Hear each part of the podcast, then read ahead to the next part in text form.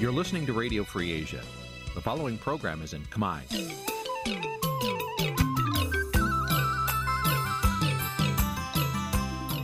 Nǐ ជាកម្មវិធីផ្សាយ Vuthu Azizi Serai នេះជាកម្មវិធីផ្សាយរបស់ Vuthu Azizi Serai ជាភាសាខ្មែរ Vuthu Azizi Serai សូមស្វាគមន៍លោកអ្នកនាងទាំងអស់ពីរដ្ឋធានី Washington នៃសហរដ្ឋអាមេរិក។ បាទផ្សាយផ្ទាល់ពីរដ្ឋធានី Washington សហរដ្ឋអាមេរិកខ្ញុំបាទមេរិតសូមជម្រាបសួរលោកអ្នកនាងកញ្ញាប្រិយមិត្តអ្នកស្ដាប់ Visual C ស្រីទាំងអស់ជាទីមេត្រីបាទយើងខ្ញុំសូមជូនកម្មវិធីផ្សាយសម្រាប់យប់ថ្ងៃប្រហ័ស6កើតខែភទ្របទឆ្នាំខាលចត្វាស័កពុទ្ធសករាជ2566ដែលត្រូវនៅថ្ងៃទី1ខែកញ្ញាគ្រិស្តសករាជ2022បាទជាដំបូងនេះសូមអញ្ជើញលោកអ្នកនាងកញ្ញាស្ដាប់ព័ត៌មានប្រចាំថ្ងៃដែលមានមេត្តាដូចតទៅ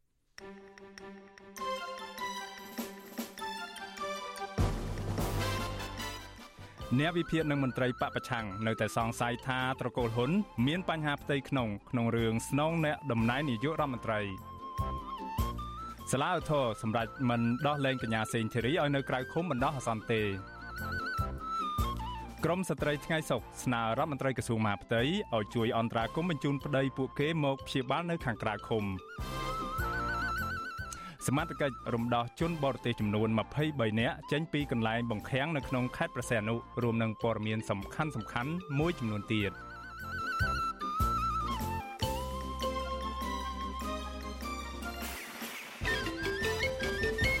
បាទជាបន្តទៅទីនេះខ្ញុំបាទមេរិតសូមជូនព័ត៌មានទាំងនេះពិស្ដាបាទលោកនាងកញ្ញាប្រិមម្នាក់ស្ដាប់ជាទីមេត្រីអ្នកវិភាគនិងមន្ត្រីបពប្រឆាំងសង្ស័យថាត្រកូលហ៊ុនកំពុងមានស្នាមប្រេះឆាព្រោះកូនកូនរបស់លោកនាយករដ្ឋមន្ត្រីហ៊ុនសែនកំពុងប្រជែងនយោបាយរៀងៗខ្លួននៅក្នុងមហិច្ឆតាធ្វើជានាយករដ្ឋមន្ត្រីជំនួសឪពុកការលើកឡើងដូចនេះគឺក្រោយពេលដែលលោកហ៊ុនសែនបានចេញនៅសារដ៏កម្រមួយអះអាងថា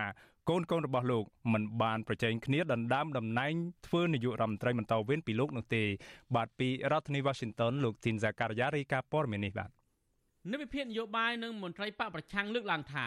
ការថ្លែងរបស់លោកហ៊ុនសែនបង្ហាញថាកូនកូនរបស់លោកមិនទាន់មានមតិរួមក្នុងការគ្រប់គ្រងបេក្ខភាពលោកហ៊ុនម៉ាណែតជានាយករដ្ឋមន្ត្រីអនាគតនោះទេ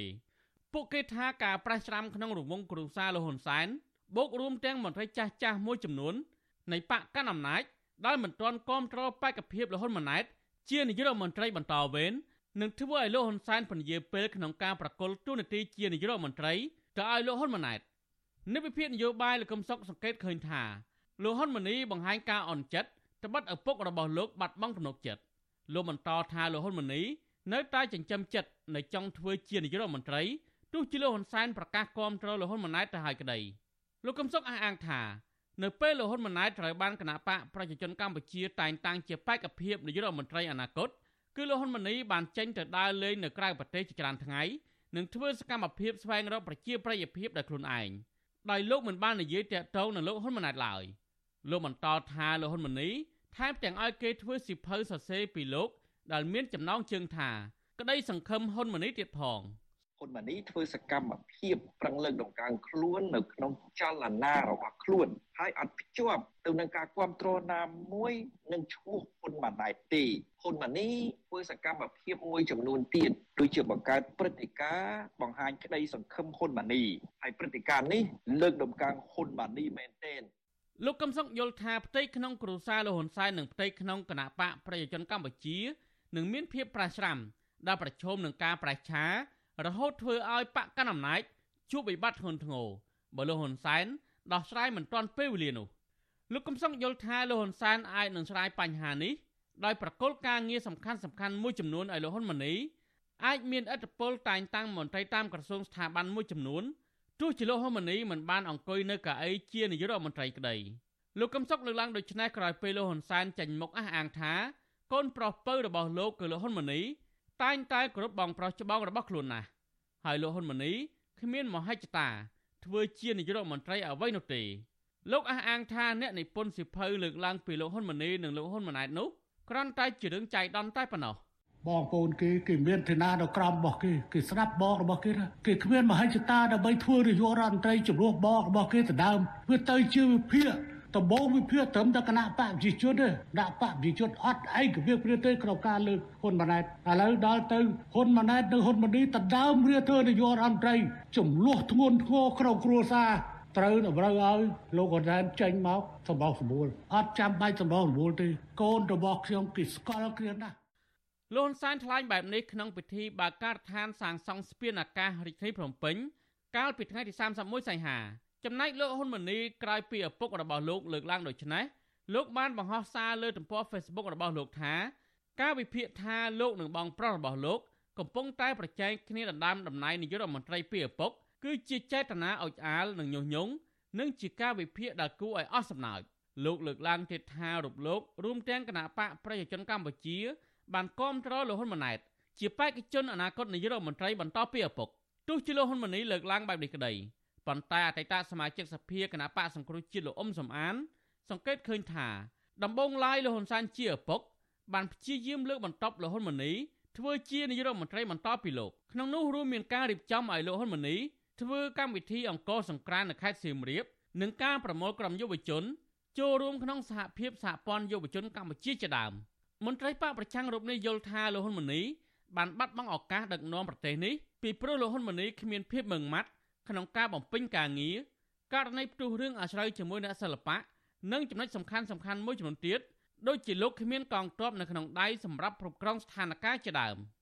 នៅពេលដែលកសាងលបងលោកហ៊ុនម៉ាណីហ្នឹងមិនទៅមិនអាចទៅរួចទេដោយសារសមត្ថភាពលោកហ៊ុនម៉ាណីហ្នឹងមិនអាចគ្រប់គ្រងស្ពីបការបានទាំងគាត់ជាមន្ត្រីស៊ីវិលទៀតហើយមានរឿងអាស្រូវផ្លូវពេទ្យហើយជាមួយតារាតារាច្រើនទៀតលោកហ៊ុនសែនគាត់យល់ថាលោកហ៊ុនម៉ាណីហ្នឹងមិនស័ក្តិសមជាបេក្ខជននាយករដ្ឋមន្ត្រីបន្តវេននោះទេអញ្ចឹងបានជាគាត់បដូរចិត្តពីលោកហ៊ុនម៉ាណីទៅគ្រប់គ្រងលោកហ៊ុនម៉ាណែតវិញណាអញ្ចឹងវាធ្វើឲ្យបងប្អូនទាំងពីរហ្នឹងមានការអន់ចិត្តជាមួយគ្នាតកតងនឹងរឿងនេះដែរលោកហ៊ុនម៉ាណីបានសារភាពថា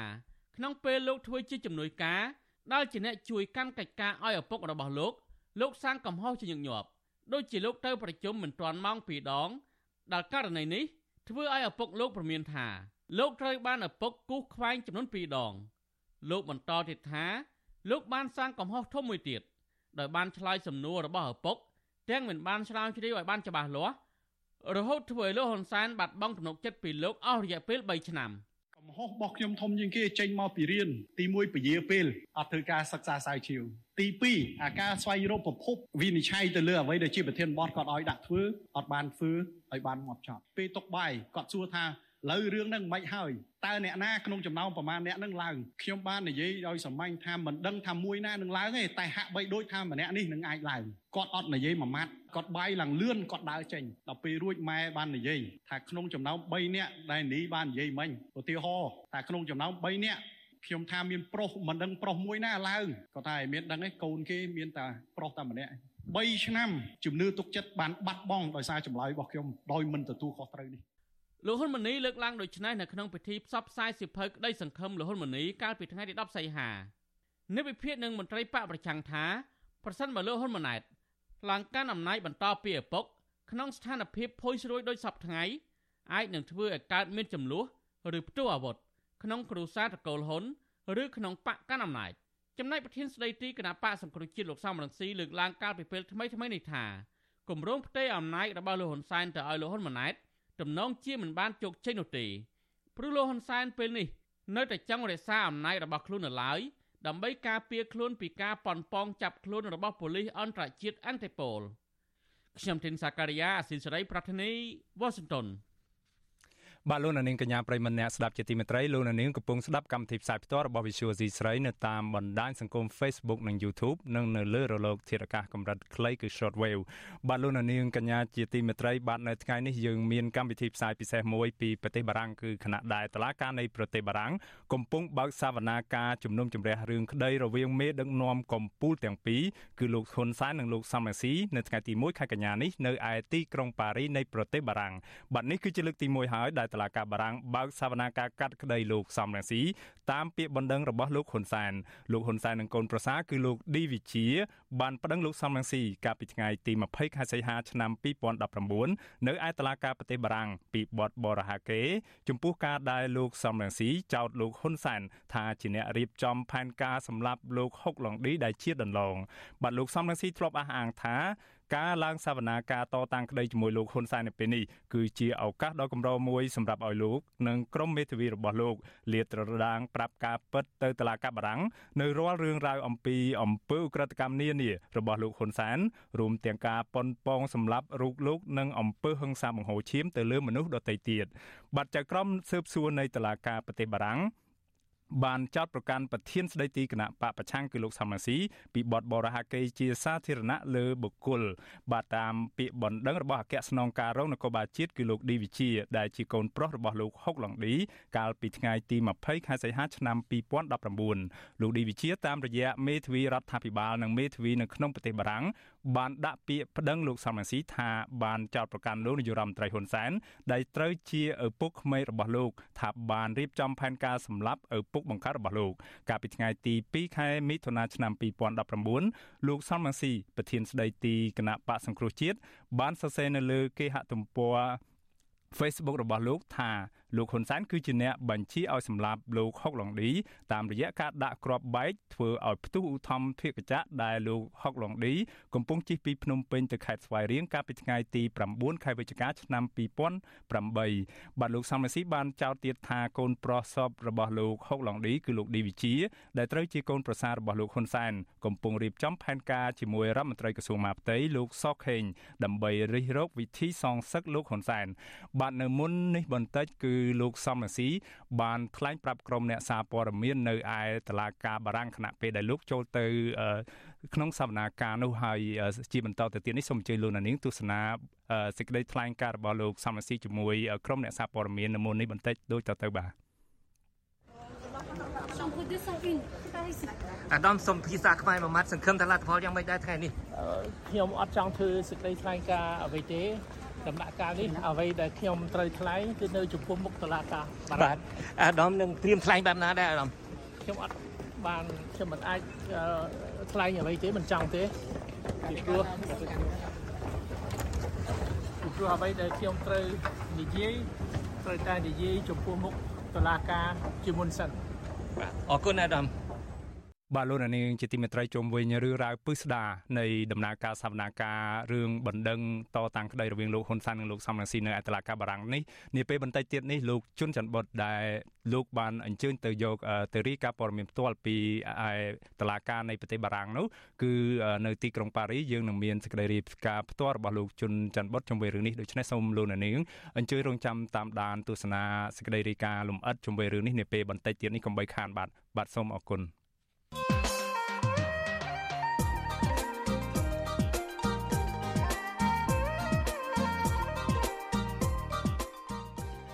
បាទលោកនាងកញ្ញាប្រិមម្នាក់ស្ដាប់ជាទីមេត្រីបាទជុំវិញរឿងរ៉ាវនៃបណ្ដឹងនិងក្តីក្តាមរវាងលោកហ៊ុនសែននិងលោកសំរងស៊ីនៅឯតុលាការទីក្រុងប៉ារីប្រទេសបារាំងនេះបាទនៅថ្ងៃសុក្រស្អែកនេះយើងនឹងមាននីតិវេទិកាអ្នកស្ដាប់វិសុវអាស៊ីស្រីដែលនឹងជជែកអំពីការដែលមេដឹកនាំគណៈបកនយោបាយទាំងពីរបានងាកចេញពីផ្លូវផ្សះផ្សាជាតិហើយមកប្រើប្រាស់ផ្លូវតុលាការបារាំងដើម្បីយកឈ្នះចាញ់តែរៀងរៀងខ្លួន បាទតើករណីនេះប៉ះពាល់អ្វីខ្លះដល់សង្គមជាតិកម្ពុជានោះបាទសូមអញ្ជើញលោកនាងកញ្ញារងចាំស្ដាប់នេតិវេទិកាអ្នកស្ដាប់ Visual C សេរីនៅយប់ថ្ងៃសុក្រទី2ខែកញ្ញាស្អែកនេះដែលយើងនឹងជជែកគ្នាអំពីបញ្ហានេះកុំបីខានហើយប្រសិនបើលោកអ្នកនាងចាប់អារម្មណ៍ចង់ចូលរួមបញ្ចេញមតិនិងទស្សនៈជុំវិញរឿងរ៉ាវនៃ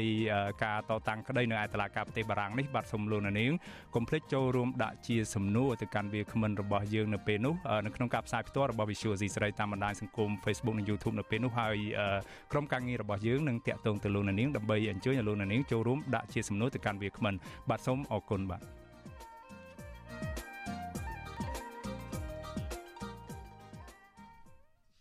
បាទលោកនាងកញ្ញាប្រិមនៈស្ដាប់ជាទីមេត្រីលោកនាងកំពុងស្ដាប់កម្មវិធីផ្សាយផ្ទាល់របស់ Visual C ស្រីផ្សាយចេញពីរដ្ឋធានី Washington សហរដ្ឋអាមេរិកបាទយើងងាកមកស្ដាប់សំណុំរឿងរបស់កញ្ញាសេងធីរីវិញម្ដងបាទកញ្ញាសេងធីរីដែលបច្ចុប្បន្នកំពុងជាប់ឃុំនៅឯពន្ធនាគារនៅតំបន់ដាច់ស្រយាលមួយនៅខេត្តព្រះនៅខេត្តព្រះវិហារនោះវិញបាទសាលាឧទ្ធរភ្នំពេញនៅព្រឹកថ្ងៃទី1ខែកញ្ញានេះដំកល់សំណុំរឿងរបស់កញ្ញាសេងធីរីទុកជាបានការដោយតាមការសម្រេចរបស់តុលាការជាន់ទាបដែលបានផ្ដន្ទាទោសដាក់ពន្ធនាគាររយៈពេល6ឆ្នាំ បាទមេធាវីការពារក្តីឲ្យកញ្ញាសេនស៊ូរីបញ្ចេញប្រតិកម្មទៅនឹងការសម្រេចនេះថាជារឿងអយុត្តិធម៌ទៅលើកូនក្តីរបស់លោកមិនអាចទទួលយកបាននោះឡើយបាទពីទីក្រុងមែលប៊ននៃប្រទេសអូស្ត្រាលីលោកថាថៃរីកាព័ត៌មាននេះបាទសវនាការនិងសេចក្តីសម្រេចរបស់តុលាការជាន់ខ្ពស់ លើបណ្ដឹងសុំនៅក្រៅឃុំរបស់កញ្ញាសេងធីរីនៅថ្ងៃទី1កញ្ញាពុំមានអ្វីប្រែប្រួលខុសពីការសម្រេចរបស់តុលាការថ្នាក់ក្រោមឡើយជាទូទៅករណីសកម្មជនដែលរិះគន់រដ្ឋាភិបាលលោកហ៊ុនសែនកម្រត្រូវបានតុលាការសម្រេចបន្ធូរបន្ថយទោសណាស់ខុសពីករណីក្រុមអង្គការឬមន្ត្រីរដ្ឋាភិបាលពាក់ព័ន្ធនឹងបទអុក្រិដ្ឋមួយចំនួនដូចជាករណីគ្រឿងញៀននិងឃាតកម្មជាដើម តុលាការជាន់ខ្ពស់តែងសម្រេចបន្ថយពីទោសធ្ងន់មកទោសស្រាលឬករណីខ្លះដោះលែងដោយស្ងាត់ស្ងាត់តែម្ដងដូចជាករណីអង្គញាកាត់ធៀងនិងអង្គញាថោងសារ៉ាត់មេធាវីការពីក្តីឲ្យកញ្ញាសេងធីរីលើកឡើងថាលោកខកចិត្តជាខ្លាំងដែលតុលាការឧទ្ធរមិនដោះលែងកូនក្តីឲ្យនៅក្រៅឃុំបណ្ដោះអាសន្នតាមការស្នើសុំមេធាវីការពីក្តីគឺលោកជុងជងីថ្លែងក្រោយពេលចេញពីសវនាការថាតុលាការសម្រេចបែបនេះ គឺជាការធ្វើទុកបុកម្នេញលើកូនក្តីរបស់លោក ដែលធ្វើឲ្យគាត់កាន់តែឈឺចាប់បន្ថែមទៀតលោកបន្ថែមថាសវនាការនេះសមត្ថកិច្ចមិនបានដឹកកញ្ញាសេនធីរីឲ្យស្ដាប់ក្នុងបន្ទប់សវនាការឡើយមេធាវីជួងជងីបញ្ជាក់ថាសមត្ថកិច្ចធ្វើបែបនេះជាការអនុវត្តខុសនីតិវិធីព្រោះបានបំពានសិទ្ធិទទួលបានការជំនុំជម្រះត្រឹមត្រូវនិងយុត្តិធម៌របស់កូនក្តីលោកគឺការឃុំខ្លួនគាត់បន្តទៅទៀតអត់មានច្បាប់ស្មានអត់មានសេចក្តីសម្រេចចេតនាពីព្រោះថា ការក្រមរបស់សាលាដំបងរាជធានីភ្នំពេញដែលសម្រេចដាក់ទោសគាត់6ឆ្នាំហ្នឹងគឺកញ្ញាសេងចន្ទធីរីបានប្រគល់សិទ្ធិឲ្យមេធាវីបានប្រឹងឧទ្ធររួចហើយដូច្នេះនៅពេលដែលប្រឹងឧទ្ធរហើយពេលនោះហើយគឺជាស្មារតីច្បាប់សាលក្រមអត់ស្ដាប់ទៅបានទេហើយអត់ស្ដាប់ផងមិនមានអំណាចយកទៅអនុវត្តទេហើយម្យ៉ាងទៀតតាមមាត្រា398នៃក្រមនីតិវិធីព្រមតនៅពេលដែលមានប្រវត្តិការអនុវត្តសាលក្រមត្រូវបង្ហោសិនដូច្នេះសាលក្រមដែលសម្រាប់ដាក់ទោសកញ្ញាសេងចន្ទធីរី6ឆ្នាំនោះអត់មានអំណាចអនុវត្តនៅឡើយទេ មេធាវីជួងជងីបន្តថាលោកនឹងទៅចូលជួបកញ្ញាសេងធីរីនៅពន្ធនាគារខេត្តព្រះវិហារក្នុងពេលឆាប់ឆាប់ដើម្បីផ្ដល់ដំណឹងពីការសម្រេចរបស់តុលាការនេះនិងជជែកពីការប្តឹងបន្តទៅតុលាការកំពូលបន្តទៀតឬយ៉ាងណាប្រតិកម្មរបស់មេធាវីការពារក្តីឲ្យអ្នកជំនាញផ្នែកច្បាប់និងនយោបាយអន្តរជាតិគឺកញ្ញាសេងធីរីនេះធ្វើឡើងបន្ទាប់ពីប្រធានក្រុមប្រឹក្សាជំនុំជម្រះនៃសាលាធរភ្នំពេញលោកយន់ណារុង បានបើកសវនាការជំនុំជម្រះនៅថ្ងៃទី1កញ្ញាដោយតម្កល់សំណុំរឿងរបស់កញ្ញាសេងធីរីទុកជាបានការតាមការសម្រេចរបស់តុលាការជាន់ទាបដែលបានផ្តន្ទាទោសកញ្ញាដាក់ពន្ធនាគារ6ឆ្នាំសវនាការនេះធ្វើឡើងតាមសំណើរបស់មេធាវីការពីក្តីឲ្យកញ្ញាសេងធីរីដែលបានស្នើសុំឲ្យកូនក្តីនៅក្រៅឃុំជាបណ្ដោះអាសន្ននិងប្តឹងទាស់លើការសម្រេចរបស់សាលាដំបងរាជធានីភ្នំពេញពីពេលថ្មីៗនេះសវនាការនៅថ្ងៃដដែលនេះមានការតាមដានឃ្លាំមើលពីក្រមយុវជនខ្មែរថាវរៈ ក្រុមអង្គការសង្គមស៊ីវិលតំណាងអង្គការសហប្រជាជាតិនិងតំណាងស្ថានទូតមួយចំនួន តំណាងយុវជនខ្មែរថាវរៈលោកហ៊ុនវណ្ណៈមើលឃើញថាការដែលតុលាការមិននាំខ្លួនកញ្ញាសេងធីរីចូលជំនុំជម្រះទំនងដោយសារអាញាធននិងតុលាការព្រួយបារម្ភខ្លាចប្រជាពលរដ្ឋលើកគ្នាទៅគាំទ្រកញ្ញាសេងធីរីច្រើននៅខាងមុខតុលាការដែលធ្វើឲ្យប៉ះពាល់ដល់មុខមាត់កម្ពុជារដ្ឋាភិបាលព្រួយបារម្ភច្រើនបើសិនជាមិនមានដំណោះស្រាយល្អផ្ដល់យុត្តិធម៌ឲ្យកញ្ញាទេខ្ញុំគិតថានឹងរងបញ្ហាទៅលើជារោគសម្ពាធច្រើនពី អន្តរជាតិជាពិសេសគឺសហរដ្ឋអាមេរិកតែម្ដងខ្ញុំមើលឃើញថាកញ្ញាសេនស៊ូរីគឺគេតែងតែរឹតបន្តឹងជាពិសេសគេអត់ចង់ឲ្យមានការសម្ដែងមតិឬក៏ការជួបជុំណាមួយសម្ដែងមតិទាក់ទងនឹងការចាប់ខ្លួនកញ្ញាសេនស៊ូរីលោកបន្តថាពួកលោកនឹងនាំគ្នាទៅសម្ដែងមតិបង្ហោះពើតប៉ោងទាមទារឲ្យតុលាការដោះលែងកញ្ញាសេងធីរីនៅមុខពន្ធនាគារខេត្តព្រះវិហារនៅថ្ងៃទី2កញ្ញា ជុំវិញរឿងនេះមន្ត្រីជាន់ខ្ពស់សមាគមការពារសិទ្ធិមនុស្សអាត6លោកយីសុកសាន ដែលបានចូលស្ដាប់សវនាការមានប្រសាសន៍ថាការដែលតុលាការបន្តឃុំខ្លួនកញ្ញាសេងធីរីនឹងមិនបានផលប្រយោជន៍អ្វីដល់កម្ពុជាឡើយផ្ទុយទៅវិញនឹងធ្វើឲ្យសហគមន៍ជាតិនិងអន្តរជាតិរិះគន់តុលាការនិងរដ្ឋាភិបាលថារដ្ឋបិទសិទ្ធិសេរីភាពសម្ដែងមតិរបស់ប្រជាពលរដ្ឋវាអយុត្តិធម៌សម្រាប់កញ្ញាសេងធីរីទី1ទី2បើយើងពិចារណាទៅ លើកញ្ញាសេងធីរីមានទីលំនៅនៅភ្នំពេញហើយនៅភ្នំពេញក៏មានពន្ធនាគារគួរបើចោតប្រកាន់គាត់គួរទៅដាក់នៅពន្ធនាគារនៅភ្នំពេញអាចយកគាត់ទៅដាក់គុំខ្លួននៅពន្ធនាគារនៅអីខេត្តព្រះវិហារទេអ្នកជំនាញច្បាប់និងនយោបាយអន្តរជាតិកញ្ញាសេងធីរីត្រូវបានតុលាការបញ្ជូនខ្លួនយកទៅឃុំនៅពន្ធនាគារខេត្តព្រះវិហារកាលពីថ្ងៃទី15មិថុនាក្រោយពីចាប់ខ្លួនបានមួយថ្ងៃ កញ្ញាត្រូវបានតុលាការក្រុងភ្នំពេញកាត់ទោសឲ្យជាប់ពន្ធនាគារ6ឆ្នាំក្នុងសំណុំរឿងរួមគំនិតក្បត់និងញុះញង់ពាក់ព័ន្ធនឹងដំណើរមាតុភូមិនិវត្តរបស់ថ្នាក់ដឹកនាំគណៈបកសង្គ្រោះជាតិប៉ុន្តែកញ្ញាបដិសេធការចោតប្រកាន់ទាំងអស់នេះដោយចោតបកវិញថាតុលាការកម្ពុជាបច្ចុប្បន្នជាតុលាការឆាកលខនឡប់ឡែចាំតែធ្វើតាមអ្នកនយោបាយគណៈបកកណ្ដាលអំណាច ចំណែកក្រមមន្ត្រីសិទ្ធិមនុស្សអង្គការសង្គមស៊ីវិលជាតិនិងអន្តរជាតិរួមទាំងស្ថានទូតនៃប្រទេសប្រជាធិបតេយ្យវិញហៅសាលក្រមផ្ដន់ទោសដាក់គុកកញ្ញាសេងធីរី6ឆ្នាំនេះថាជាសាលក្រមនយោបាយនិងជារឿងអយុត្តិធម៌ពួកគេទាមទារឲ្យតុលាការដោះលែងកញ្ញាសេងធីរីឲ្យមានសេរីភាពវិញដោយឥតលក្ខខណ្ឌខ្ញុំថាថៃពីទីក្រុងមែលប៊ន បាទលោកនាងកញ្ញាប្រិមម្នាក់ស្ដាប់ជាទីមេត្រីបន្ថែមពីលើសេចក្តីរាយការណ៍របស់អ្នករាយការណ៍ព័ត៌មានរបស់យើងប្រចាំតំបន់អាស៊ីប៉ាស៊ីហ្វិកគឺលោកថាថៃពីទីក្រុងមែលប៊នបាញ់មិញនេះបាទយើងក៏នឹងមានសេចក្តីរាយការណ៍បន្ថែមថាក្រមយុវជនខ្មែរថាវរៈនិងក្រមស្ត្រីថ្ងៃស្រុក ថ្ងៃសុកសំទោសបាទគ្រូនឹងទៅជួបជុំគ្នានៅឯពន្ធនាគារខេត្តព្រះវិហារនៅថ្ងៃសុកទី2ខែកញ្ញាស្អែកនេះដើម្បីបង្ហោះពេញប៉ោងបង្ហាញក្តីនឹករលឹកនិងលើកទឹកចិត្តដល់កញ្ញាសេងធីរីដែលកំពុងជាប់ឃុំនៅក្នុងពន្ធនាគារអស់រយៈពេលជាង2ខែមកហើយនេះបាទអ្នកនាងឈឿនដារាវីប្រាវិសុវស៊ីស្រីនៅមុនម៉ោងផ្សាយនេះបន្តិចថា មូលហេតុដែលក្រមយុវជនខ្មែរថាវរៈនិងក្រមស្ត្រីថ្ងៃសុកជ្រើសរើសយកវិធីបង្ហោះពេញប៉ោងគឺដើម្បីបង្ហាញក្តីនឹករលឹកដល់កញ្ញាសេងធារីនេះគឺដោយសារតែអាញាធរពន្ធនាគារហាមមិនអោយអ្នកណាក្រៅពីក្រមគ្រួសារអាចទៅសួរសុខទុក្ខកញ្ញាសេងធារីនៅពន្ធនាគារបានជ្រើសរើសប្រហោបិទប៉ោងនឹងដោយសារតែយើងចង់ផ្ញើការនឹករលឹកហើយលើកទឹកចិត្តដល់ពួកគាត់លើពេលដែលជាប់ពន្ធនាគារយើងក៏មិនអាចជួបហើយអានេះជាសារដែលធ្វើឲ្យគាត់បានឃើញ បានដឹងឮថាយើងអាចបានភ្លេចគាត់ហើយគាត់ក៏មានការរំភើបចិត្តដែរព្រោះនេះពួកយើងបានធ្វើទៅលើខាងបងបងសហជីពហើយកាលហ្នឹងក៏មានសកម្មជននៅមមមួយដែរ សកម្មជនសង្គមនិងសកម្មជននយោបាយក៏បានដឹងឬក៏បានឃើញដែរនៅពេលដែលគាត់បានចេញមកគាត់បានប្រាប់ដែរថាគាត់បានឮហើយបានឃើញបិទប៉ោងបានហោះទៀតអញ្ចឹងការប្រហោះនៅម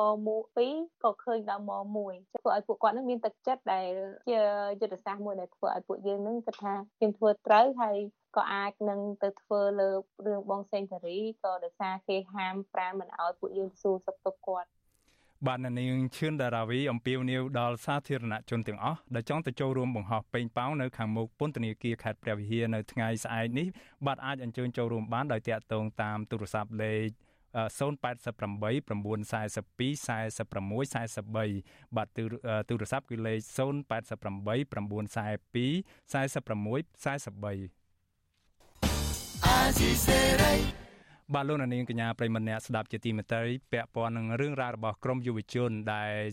កំពុងតែធ្វើយុទ្ធនាការស្នើសុំឲ្យក្រសួងបរិស្ថានសូមរក្សាទុកកោះកុងក្រៅជាសម្បត្តិធម្មជាតិរបស់រដ្ឋវិញបាទក្រមយុវជននៅតែបន្តសុំទៅរដ្ឋាភិបាលឬក្រសួងបរិស្ថានឲ្យលុបចោលគម្រោងប្រគល់កោះកុងក្រៅទៅឲ្យក្រុមហ៊ុនវិនិយោគដោយរក្សាទុកកោះនេះជាសម្បត្តិជាតិជាងនេះទៅទៀតក្រមយុវជនដដែលក៏ស្នើទៅរដ្ឋាភិបាលឲ្យដាក់តំបន់កោះកុងក្រៅនេះជាឧស្សាហជាតិសមុទ្រនិងជួយដោះស្រាយបញ្ហាប្រឈមរបស់ពលរដ្ឋរស់នៅទីនោះបាទការព្យាយាមស្នើសុំបែបនេះគឺធ្វើឡើងម្ដងហើយម្ដងទៀតនេះព្រោះតែពួកក្រមយុវជនមិនមិនចង់ឲ្យវាសនានៃកោះនេះជួបនៅវិនាសកម្មនៃការកាប់បំផ្លាញព្រៃឈើនិងធនធានធម្មជាតិដ៏មានតម្លៃ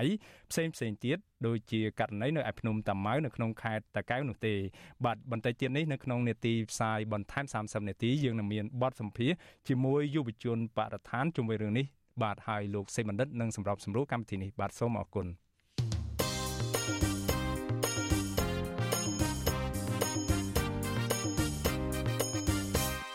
បាទលោកនាងកញ្ញាប្រិមម្នាក់ស្ដាប់ជាទីមេត្រីរឿងដាច់ដライមួយទៀតពាក់ព័ន្ធនឹងក្រមស្ត្រីថ្ងៃសុកបាទក្រមស្ត្រីថ្ងៃសុកបានដាក់ញត្តិទៅក្រសួងមហាផ្ទៃ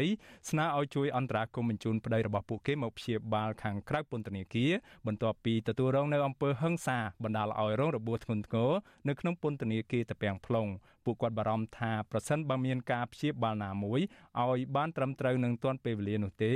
នោះប្តីរបស់ពួកគាត់នឹងអាចប្រឈមនឹងគ្រោះថ្នាក់ដល់អាយុជីវិតរីឯមន្ត្រីអង្គការសង្គមស៊ីវិលវិញជំរុញឲ្យមន្ត្រីពន្ធនាគារបញ្ជូនអ្នកទោសដែលមានជំងឺធ្ងន់ធ្ងរ ឬរងការធ្វើទរណកម្មទៅព្យាបាលនៅមន្ទីរពេទ្យខាងក្រៅត្បិតឯពេទ្យនៅខាងក្នុងពន្ធនាគារមានការកម្រិតនៅឡើយនោះបាទលោកនាងនឹងបានស្ដាប់សេចក្តីរាយការណ៍នេះពីស្ដារនាពេលបន្តិចទៀតនេះបាទយើងងាកមកស្ដាប់ព័ត៌មានដាច់ដライមួយទៀតពីខេត្តព្រះសីហនុនោះវិញបានមន្ត្រីប៉ូលីសនៅក្នុងខេត្តនេះអះអាងថា ក្រុមសមត្ថកិច្ចបានជួយសង្គ្រោះជនបរទេសចំនួន23នាក់ទៀតបាទក្រោយពីពួកគេដាក់ពាក្យបណ្ដឹងទៅតាមអាជ្ញាធរតាមប្រព័ន្ធបណ្ដាញសង្គមដើម្បីស្នើសុំឲ្យសមត្ថកិច្ចជួយអន្តរាគមន៍ចំពោះករណីបង្ខាំងពួកគេដោយខុសច្បាប់មន្ត្រីអង្គការសង្គមស៊ីវិលព្រួយបារម្ភចំពោះការកើនឡើងនៃករណីបង្ខាំងមនុស្សខុសច្បាប់ដែលប៉ះពាល់ដល់សន្តិសុខសង្គមនិងកេរ្តិ៍ឈ្មោះរបស់ប្រទេសជាតិបាទលោកជាតិចំណានរាយការណ៍ព័ត៌មាននេះបាទសមត្ថកិច្ចខេត្តប្រសេអនុឲ្យដឹងថា សមត្ថកិច្ចក្រុងបញ្ជូនជនរងគ្រោះទាំង23នាក់រួមមានជនជាតិចិនវៀតណាមនិងម៉ាឡេស៊ីដែលសមត្ថកិច្ចជួយរំដោះចេញពីអគារក្រុមហ៊ុនចិនក្នុងខេត្តប្រសេអនុ2ថ្ងៃជាប់គ្នាទៅកាន់អាជ្ញាធរថ្នាក់ជាតិដើម្បីបន្តនីតិវិធីបញ្ជូនទៅកាន់ប្រទេសពួកគេវិញតាមការស្នើសុំរបស់ពួកគេស្នងការនគរបាលខេត្តប្រសេអនុលោកជួននរិនប្រាប់វិសុអសីស្រីនៅថ្ងៃទី1ខែកញ្ញាថាជនជាតិម៉ាឡេស៊ីម្នាក់បានប្តឹងមកសមត្ថកិច្ចកាលពីយប់ថ្ងៃទី31ខែសីហាដោយស្នើសុំឲ្យសមត្ថកិច្ចជួយសង្គ្រោះជនជាតិម៉ាឡេស៊ី និងជនបរទេសមួយចំនួនទៀតដែលត្រូវគេបង្ខាំងក្នុងអាគារលោកជួននរិនថាมันមានករណីបង្ខាំងនោះឡើយនៅពេលដែលសមត្ថកិច្ចចុះទៅដល់ទីតាំងលោកថាជនបរទេសមួយចំនួនដូចជាជនជាតិចិនម៉ាឡេស៊ីគឺពួកគេចង់ចាក់ចេញពីកន្លែងការងារនិងចង់វិលត្រឡប់ទៅប្រទេសកំណើតតែប៉ុណ្ណោះលោកជួននរិនមិនបានបញ្ជាក់ពីទីតាំងនិងឈ្មោះអាគាររបស់ក្រុមហ៊ុនដែលជនបរទេសនោះធ្វើការកន្លងមកនោះទេ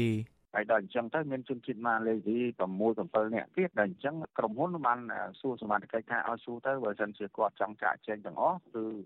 ក្រុមហ៊ុនអនុញ្ញាតឲ្យចែកអ្នកទាំងអស់នោះយើងសួរទៅក៏យើងយកចែកមកទាំងអស់មកបាទ តាមប៉ុណ្ណឹងតែម្នាក់ទេមកហត់ឡាញយើងហើយចំពោះ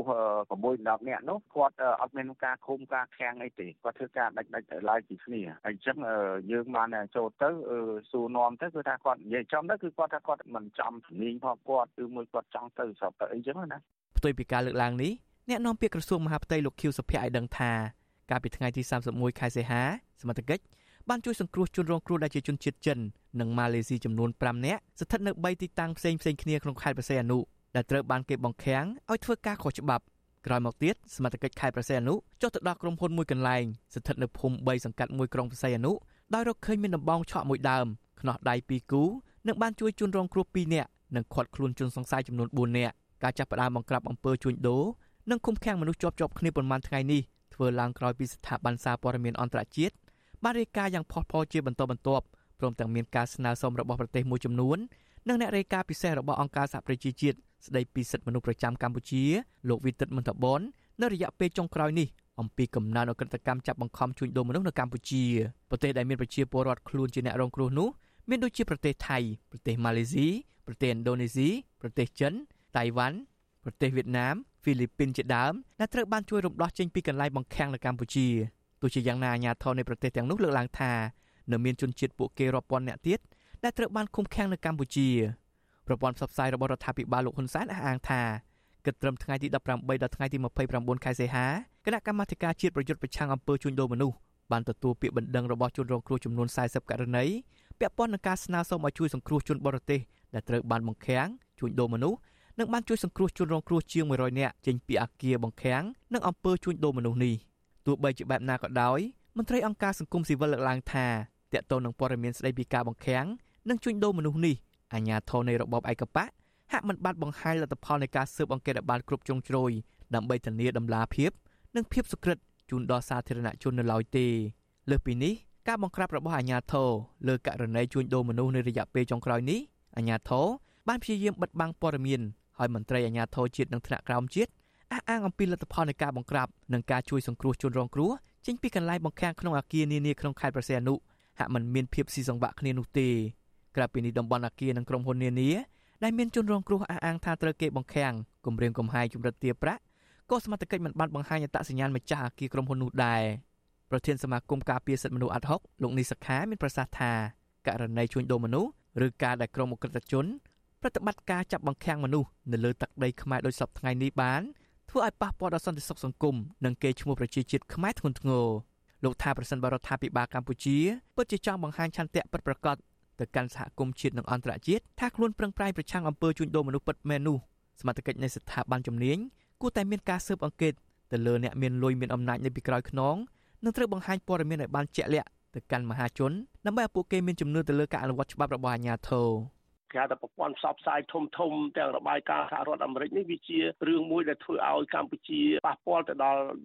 មុខមាត់នៅក្នុងប្រទេសយើងដែរដូច្នេះបើសិនជាយើងមិនខិតខំក្នុងការបង្ក្រាបក្នុងការបង្ហាញឲ្យគេឃើញអំពីជំនឿទុកចិត្តក្នុងការចាត់វិធានការរឿងនេះទេវាអាចនឹងមានការប៉ះពាល់ទៅដល់បញ្ហានៃដំណើរការរកស៊ីរបស់អ្នកវិនិយោគធំធំនៅក្នុងប្រទេសយើងយើងដឹងហើយថាប្រទេសកម្ពុជាយើងនឹងក្លាយទៅជាម្ចាស់ផ្ទះនៃអាស៊ាននេះគឺថានៅពេលខាងមុខឆាប់ឆាប់នឹងហើយចង់មិនចង់វាត្រូវទទួលរងនឹងការបាក់មុខបាក់មាត់ចំពោះបញ្ហានឹងផងដែរអ្នករាយការណ៍ពិសេសរបស់អង្គការសហប្រជាជាតិទទួលបន្ទុកផ្នែកសិទ្ធិមនុស្សប្រចាំកម្ពុជាលោកវិទិតមន្តបនថ្លែងការពីពេលថ្មីថ្មីនេះថាកម្ពុជាគឺជាប្រទេសគោលដៅនៃការជួញដូរនិងការបង្ខាំងមនុស្សឲ្យធ្វើការខុសច្បាប់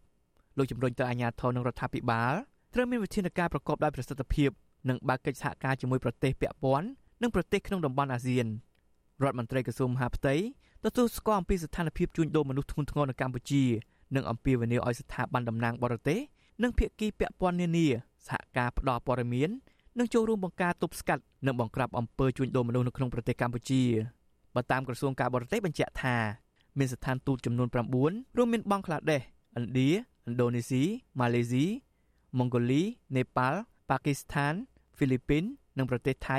បានស្នើអាជ្ញាធរកម្ពុជាឲ្យជួយសង្គ្រោះពលរដ្ឋរបស់ពួកគេ ដែលត្រូវបានក្រុមអក្រិតជនចាប់បង្ខាំងឲ្យធ្វើការទាំងបង្ខំនៅកម្ពុជាមន្ត្រីសង្គមស៊ីវិលប្រួយបារម្ភថាប្រសិនបើអាជ្ញាធរប្រព្រឹត្តអំពើពុករលួយហើយគ្មានចន្ទៈស៊ើបអង្កេតចំពោះអ្នកមានលុយមានអំណាចនៅពីក្រោយខ្នងដើម្បីយកមកផ្ដន់ទោសតាមច្បាប់នោះទេអំពើជួញដូរមនុស្សអាចនឹងមិនរីករាលដាលកាន់តែខ្លាំងថែមទៀតនោះទេហើយប្រទេសកម្ពុជាកាន់តែមានឈ្មោះអាក្រក់នៅលើឆាកអន្តរជាតិក្នុងការជួញដូរមនុស្សខ្ញុំបាទជាចំណាន Visual Assisray ប្រធានាទី Washington បាទលោកនាងកញ្ញាប្រិមម្នាក់ស្ដាប់ជាទីមេត្រីលោកនាងកំពុងស្ដាប់កម្មវិធីផ្សាយផ្ទាល់របស់ Visual Asia ស្រីតាមបណ្ដាញសង្គម Facebook YouTube និងតាមរលកធាតុអាកាសកម្រិតខ្លីបាទ នៅថ្ងៃនេះយើងមានព័ត៌មានពិសេសមួយគឺតឡាការបារាំងកំពុងតែបើកសវនាការជំនុំជម្រះរឿងក្តីរវាងមេដឹកនាំកម្ពុជាកម្ពុជានៃកម្ពុជាគឺលោកហ៊ុនសែននិងលោកសំរងស៊ីនៅថ្ងៃទី1ខែកញ្ញានេះគឺនៅឯទីក្រុងប៉ារីនៃប្រទេសបារាំងបាទនេះគឺជាលើកទី1ហើយដែលតឡាការបារាំងបើកសវនាការកាត់ក្តីលោកសំរងស៊ីតាមពាក្យបណ្ដឹងរបស់លោកហ៊ុនសែនដែលលោកសំរងស៊ីចោទថាលោកហ៊ុនសែនគឺជាអ្នកនៅពីក្រោយឃាតកម្មសម្លាប់លោកហុកឡុងឌីដែលជាពុកបង្កើតរបស់លោកឌីវិជានោះបាត់បណ្ដឹងនេះគឺនៅពេលនេះតឡាការបារាំងកំពុងបើកសវនាការកាត់ក្តីនៅលើរឿងនេះហើយលោកជុនច័ន្ទបុតកំពុងទៅតាមដានយកព័ត៌មានពីដើម្បីធ្វើសេចក្តីរាយការណ៍ផ្ទាល់ពីតឡាការនៃប្រទេសបារាំងនៅទីក្រុងប៉ារីនេះហើយបន្តិចទៀតនេះលោកនឹងធ្វើការរាយការណ៍ផ្ទាល់ជុំវិញរឿងនេះជូនលោកនាងដូច្នេះសូមអញ្ជើញលោកនាងរងចាំស្ដាប់និងទស្សនាសេចក្តីរាយការណ៍ផ្ទាល់ពិសេសពីតឡាការបារាំងនៅទីក្រុងប៉ារីនាពេលបន្តិចទៀតនេះកុំបីខានឡើយបាទ así será. បាទលោកនាងកញ្ញាប្រិមម្នាក់ស្ដាប់ជាទីមេត្រីយើងងាកមកស្ដាប់ព័ត៌មានដែលដライមួយទៀតពាក់ព័ន្ធនឹងរឿងរ៉ាវដែលក្រសួងព័ត៌មានបន្តពន្យាពេលចេញច្បាប់ស្ដីពីសិទ្ធិទទួលបានព័ត៌មាននោះបាទសង្គមស៊ីវិលរិះគន់រដ្ឋាភិបាលនិងក្រសួងព័ត៌មានដែលបន្តពន្យាពេលចេញច្បាប់ស្ដីពីសិទ្ធិទទួលបានព័ត៌មានការរិះគន់នេះកើតឡើងបន្ទាប់ពីក្រសួងព័ត៌មានបានធ្វើសន្និសីទសារព័ត៌មានមួយស្ដីពីសមិទ្ធផលរយៈពេល5ឆ្នាំ នៅឯទីស្តីការគណៈរដ្ឋមន្ត្រីនឹងបានអះអាងថាច្បាប់ស្តីពីសិទ្ធិទទួលបានព័ត៌មានត្រូវប្រើពេលយូរបន្ថែមទៅទៀតនោះបាទលោកជីវិតារាយការណ៍ព័ត៌មាននេះបាទ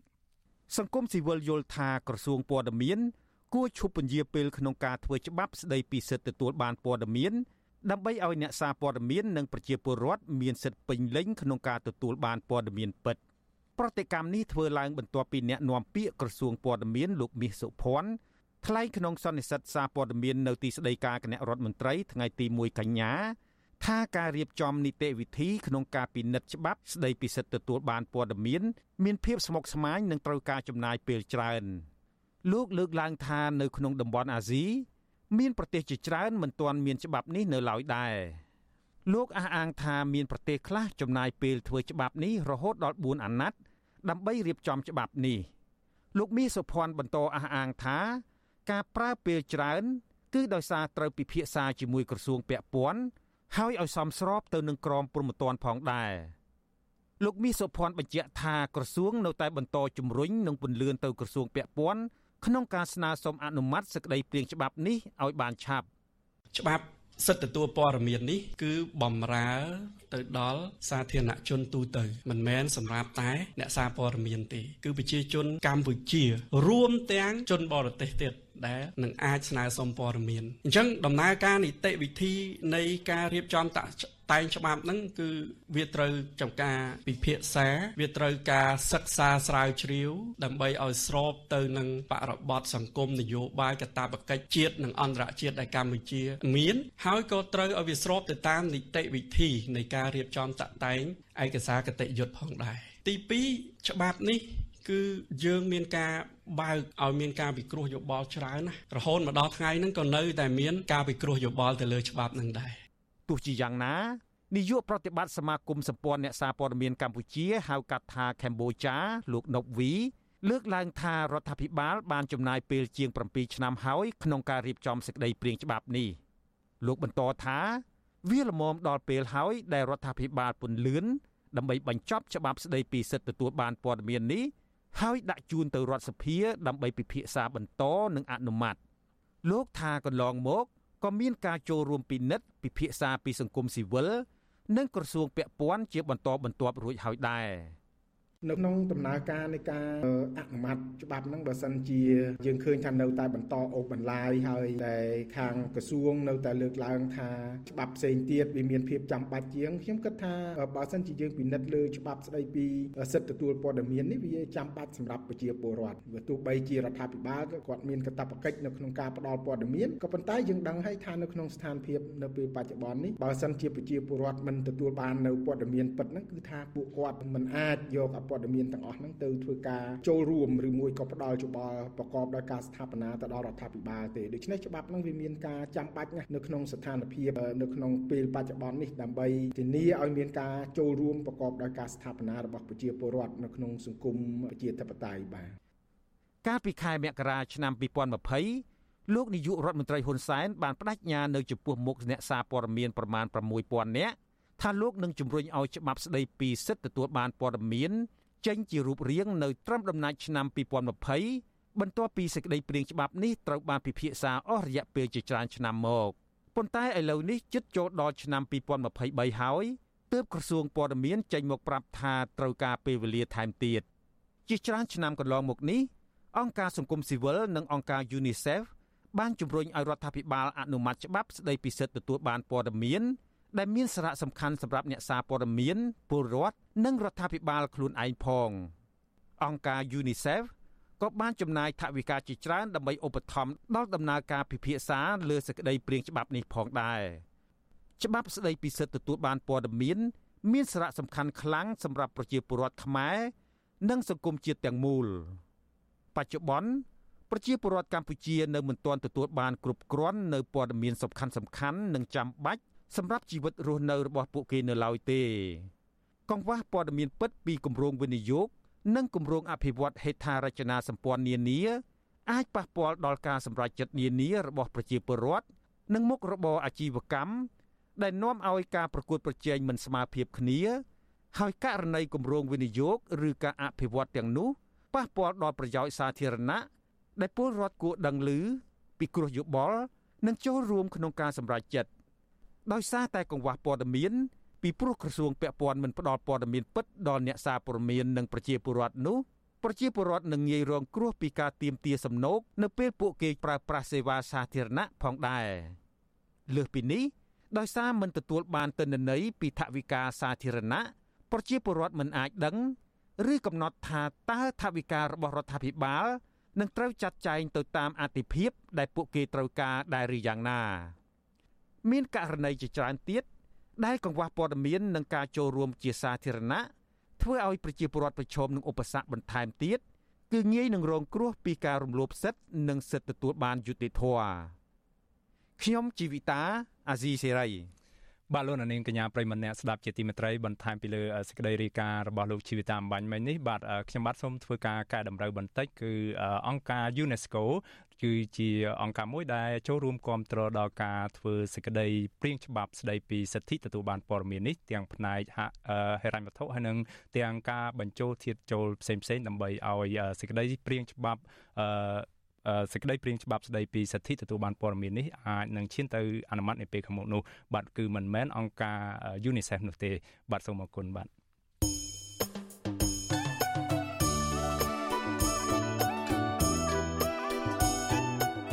បាទលោកនាងកញ្ញាប្រិមម្នាក់ស្ដាប់ជាទីមេត្រីដំណើរគ្នានឹងស្ដាប់ការផ្សាយផ្ទាល់របស់ Visual Asia ស្រីតាមបណ្ដាញសង្គម Facebook និង YouTube បាទគឺលោកនាងកញ្ញាក៏អាចស្ដាប់កម្មវិធីផ្សាយផ្ទាល់របស់យើងតាមរលកធាតុអាកាសកម្រិតខ្លីឬ Shortwave តាមកម្រិតនិងកម្ពស់ដូចតទៅនេះបាទពេលព្រឹកគឺចាប់ពីម៉ោង5កន្លះដល់ម៉ោង6កន្លះតាមរយៈរលកធាតុអាកាសកម្រិតខ្លីគឺ12140 kHz ស្មើនឹងកម្ពស់ 25m និង13715 kHz ស្មើនឹងកម្ពស់ 22m ហើយពេលយប់គឺចាប់ពីម៉ោង7កន្លះដល់ម៉ោង8កន្លះតាមរយៈរលកធាតុអាកាសខ្លីគឺ9960 kHz ស្មើនឹងកម្ពស់ 30m 12140 kHz ស្មើនឹងកម្ពស់ 25m និង11885 kHz ស្មើនឹងកម្ពស់ 25m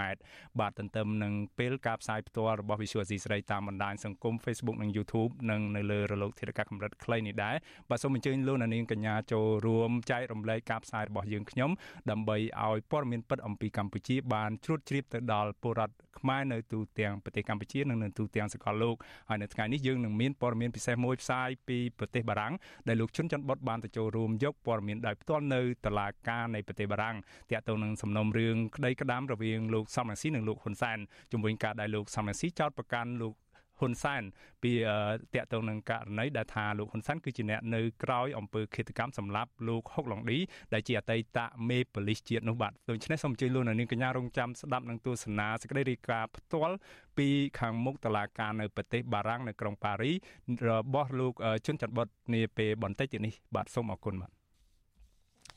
បាទលោកនាងកញ្ញាជាទីមេត្រីយើងងាកមកស្ដាប់ព័ត៌មានដាច់ដោយឡែកមួយទៀតតាក់ទងនឹងក្រមស្ត្រីថ្ងៃសុកវិញម្ដងបាទក្រមស្ត្រីថ្ងៃសុកកំពុងដាក់ញត្តិទៅក្រសួងមហាផ្ទៃស្នើឲ្យរដ្ឋមន្ត្រីនៃក្រសួងមហាផ្ទៃគឺលោកសខេងជួយអន្តរាគមន៍បញ្ជូនប្តីរបស់ពួកគេដែលកំពុងជាប់ឃុំមកព្យាបាលនៅខាងក្រៅឃុំបន្ទាប់ពី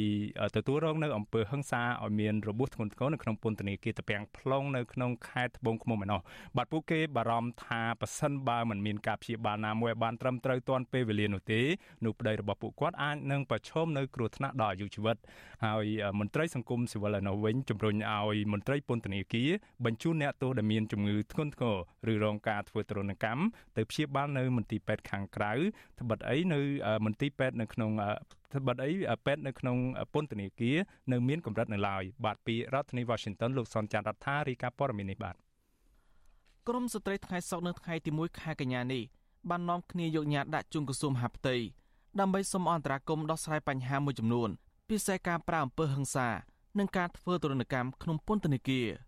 ពួកគេស្នើសុំបញ្ជូនអ្នករបួសពីការប្រើអំពើហិង្សាក្នុងពន្ធនាគារយកទៅព្យាបាលរបួសនៅខាងក្រៅហើយផ្លាស់ប្ដូរទីកន្លែងឃុំឃាំងពីពន្ធនាគារតាពាំង plong មកកាន់ពន្ធនាគារព្រៃសរវិញបន្ទាប់ពីប្តីរបស់ពួកគាត់ដែលជាអ្នកទោសនយោបាយចំនួន3នាក់បានទទួលរងអំពើហិង្សានៅក្នុងពន្ធនាគារតាពាំង plong កាលពីចុងខែសីហាកន្លងទៅ ក្នុងនោះសកម្មជនបពប្រឆាំងខេត្តស្វាយរៀងលោកញ៉ែមវៀនរងការវាយដំធ្ងន់ធ្ងរជាងគេគណៈក្រុមគ្រួសាររបស់លោកបារម្ភថានឹងអាចប៉ះពាល់ដល់ជីវិតប្រពន្ធសកម្មជនបពប្រឆាំងនៅខេត្តស្វាយរៀងលោកញ៉ែមវៀនគឺលោកស្រីពៅសរនប្រាវិទ្យាអេស៊ីសរ៉ៃថ្ងៃទី1ខែកញ្ញាថាការម្ដងញត្តិនៅក្រសួងមហាផ្ទៃនេះដើម្បីស្នើសុំបញ្ជូនប្តីលោកស្រីទៅព្យាបាលក្រៅពន្ធនាគារដោយសារសុខភាពលោកញ៉ាំវៀនកាន់តែទ្រុឌទ្រោមទៅ លោកស្រីបារម្ភថាបើមិនព្យាបាលអត់ទាន់ពេលវេលានឹងយកចិត្តទុកដាក់ពីគ្រូពេទ្យនោះទេប្តីលោកស្រីអាចប្រឈមនឹងបាត់បង់អាយុជីវិតត្បិតការប្រាំពើងសាមានស្ថានភាពធ្ងន់ធ្ងរក្រៅពីនេះលោកស្រីស្នើសុំតុលាការបញ្ជូនលោកញ៉ាំវៀនទៅឃុំនៅពន្ធនាគារព្រៃសរវិញដោយសារលោកស្រីបារម្ភថាបើឃុំខ្លួននៅពន្ធនាគារទៅពាំងផ្លុំបន្តទៀតប្តីលោកស្រីអាចប្រឈមទៅនឹងការគំរាមកំហែងប្រាប្រាំពើងសាពីសំណាក់ក្រុមជាងការនៅទីនោះបន្ថែមទៀតជាក់ជាមិនខានលោកស្រីបន្ថែមថាបើមើលតាមស្ថានភាពជាក់ស្ដែង នៅពេលបានជួបសួរសតុប្តីក្នុងពន្ធនាគារទៅពាំងផ្លុងកាលពីថ្ងៃទី29សីហាលោកញ៉ែមវៀនហាក់មានសភាពទ្រុឌទ្រោមដើរកាន់ឈើច្រត់ហើយមានស្នាមចំលើផ្ទៃមុខខាងឆ្វេងហើយមានហូរឈាមតាមត្រចៀកលើពីនេះលោកហាក់មានសភាពភ័យខ្លាចបាក់ស្បានស្ទើរតែមិនហ៊ានប្រាប់ប្រពន្ធពីអ្វីដែលបានកាត់ឡើងក្នុងពន្ធនាគារ សុំគាត់យកវិជាបាលក្រៅគាត់ទៅទ្រោមខ្លាំងមែនទែនពេលណាខ្ញុំនឹកឃើញពេលណាខ្ញុំយំពេលហ្នឹងទៅទៅគាត់បាក់ខ្លាំងមែនទែនខ្ញុំគាត់នឹកឃើញសុខភាពគាត់នឹងខ្ញុំលើបាយលេងបានហើយគាត់ប្រាប់ខ្ញុំទៅពីម៉ាត់គាត់ថាអញក្រុមគ្រាក្នុងពូនដល់យ៉ាងណាទៅមួយថ្ងៃទៅមកសោយបន្តិចមួយថ្ងៃសោយបន្តិចកាលពីថ្ងៃទី21សីហាអញ្ញាធិបពន្ធនាគារបានផ្ទេរសកម្មជនគណបក្សគ្រូជាតិចំនួន14នាក់ ពីពន្ធនាគារព្រៃសរក្នុងរាជធានីភ្នំពេញ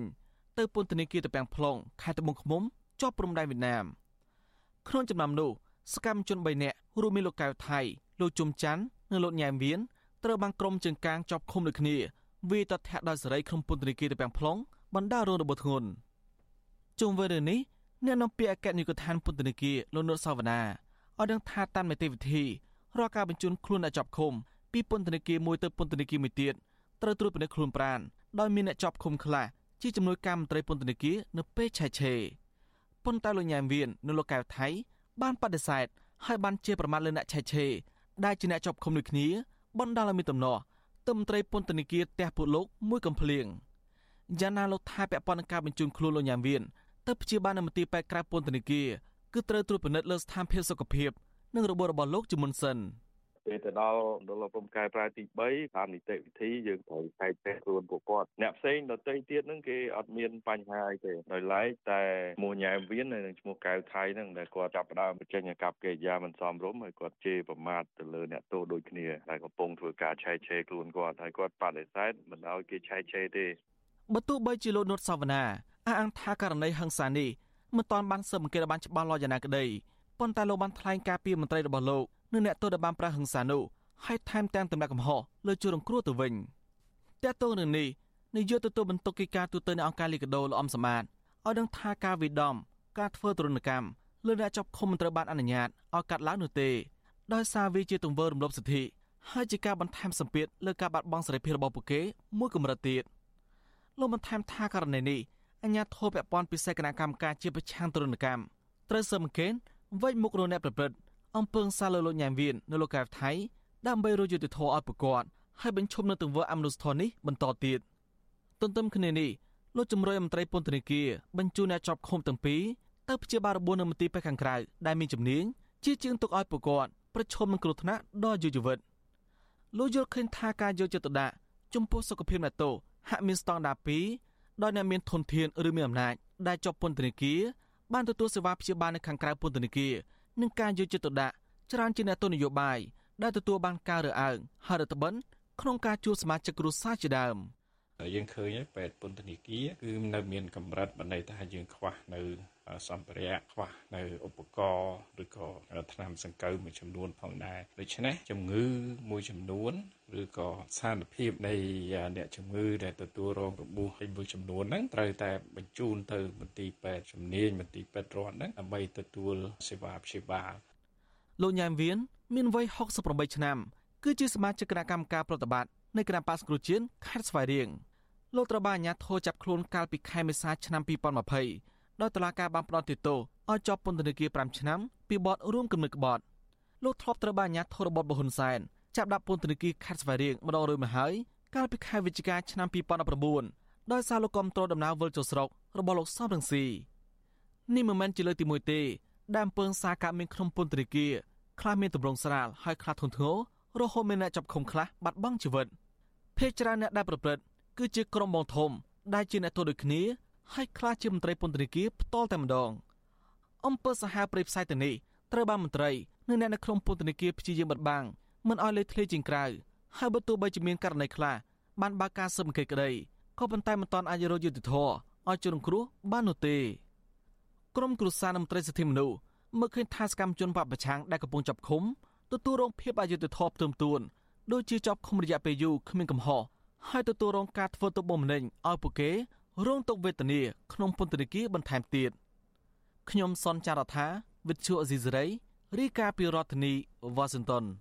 បាទលោកនាងកញ្ញាប្រិមម្នាក់ស្ដាប់ជាទីមេត្រីដោយដែលខ្ញុំបានជម្រាបជូនលោកនាងកញ្ញានៅមុននេះបន្តិចហើយថានៅថ្ងៃនេះមានដំណឹងពិសេសមួយពីប្រទេសបារាំងនៅទីក្រុងប៉ារីនោះគឺតុលាការនៃប្រទេសបារាំងកំពុងបើកសវនាការជំនុំជម្រះក្តីលើបណ្ដឹងតាក់ទងនឹងបទបរហាគេសាធារណៈរបស់លោកនាយករដ្ឋមន្ត្រីហ៊ុនសែននិងកូនប្រសាររបស់លោកគឺលោកឌីវិជាពាក់ព័ន្ធនឹងករណីដែលលោកសំរងស៊ីចោទប្រកាន់ថាលោកឌីវិជាលោក ចាត់ប្រកាន់ថាលោកហ៊ុនសែនគឺជាអ្នកនៅពីក្រោយការដាក់គ្រាប់បែកបំផ្ទុះធ្វើឲ្យមានករណីឃាតកម្មសម្លាប់លោកហុកឡុងឌីដែលជាអតីតមេប៉ូលីសនៅកម្ពុជានោះបាទឥឡូវនេះលោកជុនច័ន្ទបុតនឹងធ្វើសេចក្តីរាយការណ៍ផ្ទាល់ពីខាងមុខតុលាការនៃប្រទេសបារាំងនៅក្រុងប៉ារីសបាទសូមជំរាបសួរលោកជុនច័ន្ទបុតបាទបាទសូមជម្រាបសួរលោកមានរិទ្ធបាទហើយជម្រាបសួរលោកអ្នកនាងកញ្ញាដែលកំពុងតែតាមដានការផ្សាយផ្ទាល់របស់ Vithu Azizi សេរីនេះបាទ បាទអរគុណលោកជុនច័ន្ទបុតឃើញថាលោកជុនច័ន្ទបុតកំពុងតែឈរនៅខាងមុខតឡាការបារាំងមានសរសេរស្លាកសញ្ញាអីពាក្យពេចន៍តាក់ទងនឹងរឿងរ៉ាវយុទ្ធធននៅឯទីក្រុងប៉ារីនៃប្រទេសបារាំងនេះបាទលោកជុនច័ន្ទបុតយ៉ាងម៉េចទៅអាកាសធាតុនៅឯទីក្រុងប៉ារីហ្នឹងក្តៅដូចនៅខាងក្នុងតឡាការទេបាទបាទបរិយាកាសខាងក្នុងនិងខាងក្តៅរៀងក្តៅកគុកដូចគ្នាហើយខ្ញុំបាទពេលនេះកំពុងតែឈរនៅពីមុខ អឺសាលជំនុំជម្រះនៅតុលាការនៅទីក្រុងប៉ារីនេះ ហើយតុលាការក្រុងប៉ារីនេះ ជាភាសាបារាំងគេហៅថា Palais de Justice មានន័យថាវិមានយុត្តិធម៌ហើយអាគារនេះធំណាស់ហើយនេះជាលើកទី1ហើយដែល លោកសំរងស៊ីបានឡើងឆ្លើយបំភ្លឺនៅតុលាការតាមពិតពេលនេះលោកកំពុងតែឆ្លើយបំភ្លឺនៅក្នុងតុលាការនៅក្នុងបន្ទប់នៅពីក្រោយខ្ញុំនេះនៅឡើយទេពេលដែលខ្ញុំចេញមកលោកកំពុងតែឆ្លើយសំណួរជាមួយនឹងចៅក្រមរបស់តុលាការនៅក្រុងប៉ារីនេះលោកបានឡើងឆ្លើយផ្ទាល់ខ្លួនឯងតែម្ដងបាទ ហើយអ្នកដែលចូលរួមពីខាងភៀកគីចុងចោតគឺភៀកគីលោកសំរងស៊ីគឺមានមេធាវីពីររូបគឺមេធាវីស្ត្រីមួយរូបឈ្មោះ Jessica Finnell ហើយនឹងមេធាវីអន្តរជាតិមួយរូបទៀតគឺលោក Richard Roger ចំណែកពីខាងរដ្ឋាភិបាលវិញយើងឃើញមានមេធាវីបារាំងជនជាតិបារាំង3រូបគឺប្រុស3រូបហើយនិងស្ត្រីម្នាក់ហើយយើងក៏សង្កេតឃើញមានលោកគីតិចដែលជាមេធាវីរបស់លោកហ៊ុនសែននោះក៏មានវត្តមាននៅក្នុងឱកាសនេះដែរហើយនៅក្នុងបន្ទប់ហ្នឹងមានកៅអីពីរជួរមួយខាងគឺខាងភៀកគីដើមចោតគឺភៀកគីលោកសំរៀងស៊ី ភៀកគីដើមចោតគឺភៀកគីលោកនាយករដ្ឋមន្ត្រីហ៊ុនសែនសុំទោសទ្វេត្បិតតែតឡាការការកាត់ក្តីពេលនេះគឺកាត់ក្តីបើកឲ្យចូលជាសាធារណៈក៏ដោយចុះក៏ប៉ុន្តែគេមិនអនុញ្ញាតឲ្យយកទូរស័ព្ទឬមួយក៏ម៉ាស៊ីនថតចូលទេដូច្នេះខ្ញុំមិនអាចបង្ហាញរូបបានទេពីព្រោះទូរស័ព្ទក៏គេតម្រូវឲ្យបិទចោលដែរ ក៏ប៉ុន្តែទោះជាយ៉ាងណាក៏ដោយចុះតាមការសង្កេតនឹងពីខាងភៀកគីដើមចោតគឺភៀកគីលោកលោកហ៊ុនសែននឹងគឺមានតំណាងស្ថានទូតមានអ្នកគ្រប់គ្រងរបស់លោកនៅសហរដ្ឋអាមេរិកនៅឯប្រទេសបារាំងនឹងខ្លះ ហើយប្រហែលជាមកហែហោមជាមួយនឹងលោកគីតិចនឹងពីប្រទេសកម្ពុជាមកខ្លះគាត់អង្គុយមួយជំហៀងជំហៀងខាងឆ្វេងហើយផ្នែកភាគីចុងចោតគឺភាគីលោកសំរៀងស៊ីនឹងអង្គុយខាងស្ដាំហើយសង្កេតមើលទៅនឹងឃើញអ្នកដែលភាគីចុងចោតនិងអ្នកគ្រប់គ្រងលោកសំរៀងស៊ីនឹងហាក់ដូចជាមានចំនួនច្រើនជាងចំនួនអ្នកដែលមកស្ដាប់ខាងលោកហ៊ុនសែន អ្នកដែលមកចូលរួមពីខាងភៀកគីលោកសំរៀងស៊ីនឹងអ្នកខ្លះនឹងស្កាត់មកពីឆ្ងាយណាអ្នកដែលស្មោះស្ម័គ្រនឹងលោកសំរៀងស៊ីមែនតើនឹងអ្នកខ្លះគឺមកហោះមកតាំងពីប្រទេសកាណាដាជាដើមពីប្រទេសកាណាដាគឺយើងឃើញមានចំនួន3នាក់បាទលោកមីរិតសូមអញ្ជើញសំណួរសួរសំណួរទៀតចុះបាទបាទអរគុណលោកច័ន្ទលោកជុនច័ន្ទបុតយើងឃើញថានៅមុនការផ្សាយនេះបន្តិចលោកជុនច័ន្ទបុតក៏បានផ្ញើវីដេអូតាក់ទងនឹងការត្រៀមឡើងសវនាការនេះរបស់លោកសំរងស៊ីដែរហើយលោកមិនថ្លែងចេញសេចក្តីថ្លែងការណ៍ណាមួយប្រាប់ក្រុមអ្នកសារព័ត៌មានទេហើយឃើញថាសំណុំរឿងនេះមានការចាប់អារម្មណ៍ខ្លាំងពីបណ្ដាញប្រព័ន្ធផ្សព្វផ្សាយនៅទូទាំងពិភពលោកហើយក៏មានអ្នកអញ្ជើញចូលរួមតាមដានហ្នឹងពីក្រុមអ្នកគ្រប់គ្រងទាំងសងខាងហ្នឹងដោយដែលលោកជុនច័ន្ទបុតបានលើកឡើងបាទនៅក្រៅសវនាការនោះវិញតើមានការប្រមូលផ្ដុំឬជួបជុំណាមួយពីក្រុមអ្នកគ្រប់គ្រងរវាងភាគីលោកហ៊ុនសែននិងលោកសំរងស៊ីដែរទេបាទ អ្នកដែលមាននឹងមានតែមុនបើកសវនាការទេនៅពេលដែលសវនាការតែម្ដងទាំងអស់គ្នានឹងក៏នាំគ្នាចូលមកក្នុងបន្ទប់សវនាការតែម្ដងហើយលោកមានរិទ្ធមេងបានរៀបរាប់ថាមានអ្នកកសែតផងបាទមានអ្នកកសែតបារាំងពីភ្នាក់ងារព័ត៌មានបារាំង AFP នឹងក៏មកចូលរួមដែរហើយក៏មានអ្នកថតទូរទស្សន៍មកចូលរួមផងដែរចំពោះអ្នកកសែតពីប្រទេសកម្ពុជាវិញខ្ញុំបាទក៏ឃើញមានអ្នកខ្លះមកដែរក៏ប៉ុន្តែសូមទោសខ្ញុំមិនស្គាល់តើតើពីខាងណាពីខាងរដ្ឋាភិបាលឬមួយក៏ពីខាងទូរទស្សន៍បារាំងនៅឯប៉ារីនេះទេបាទ បាទយើងទាំងអស់គ្នាកំពុងតែអន្ទះសារចង់ដឹងលទ្ធផលនៃដំណើរសវនាការរឿងក្តីពីបទបរហាកេរវាងលោកនាយករដ្ឋមន្ត្រីហ៊ុនសែននិងលោកសំរងស៊ីបាទលោកសំរងស៊ីនឹងគឺជាប់បណ្ដឹងបើយើងឃើញជាអ្នកនយោបាយជើងចាស់មួយរូបដែលជាប់បណ្ដឹងរុំសួតតែម្ដងគឺស្ទើរតែជាង100ឆ្នាំឯណោះនៅឯ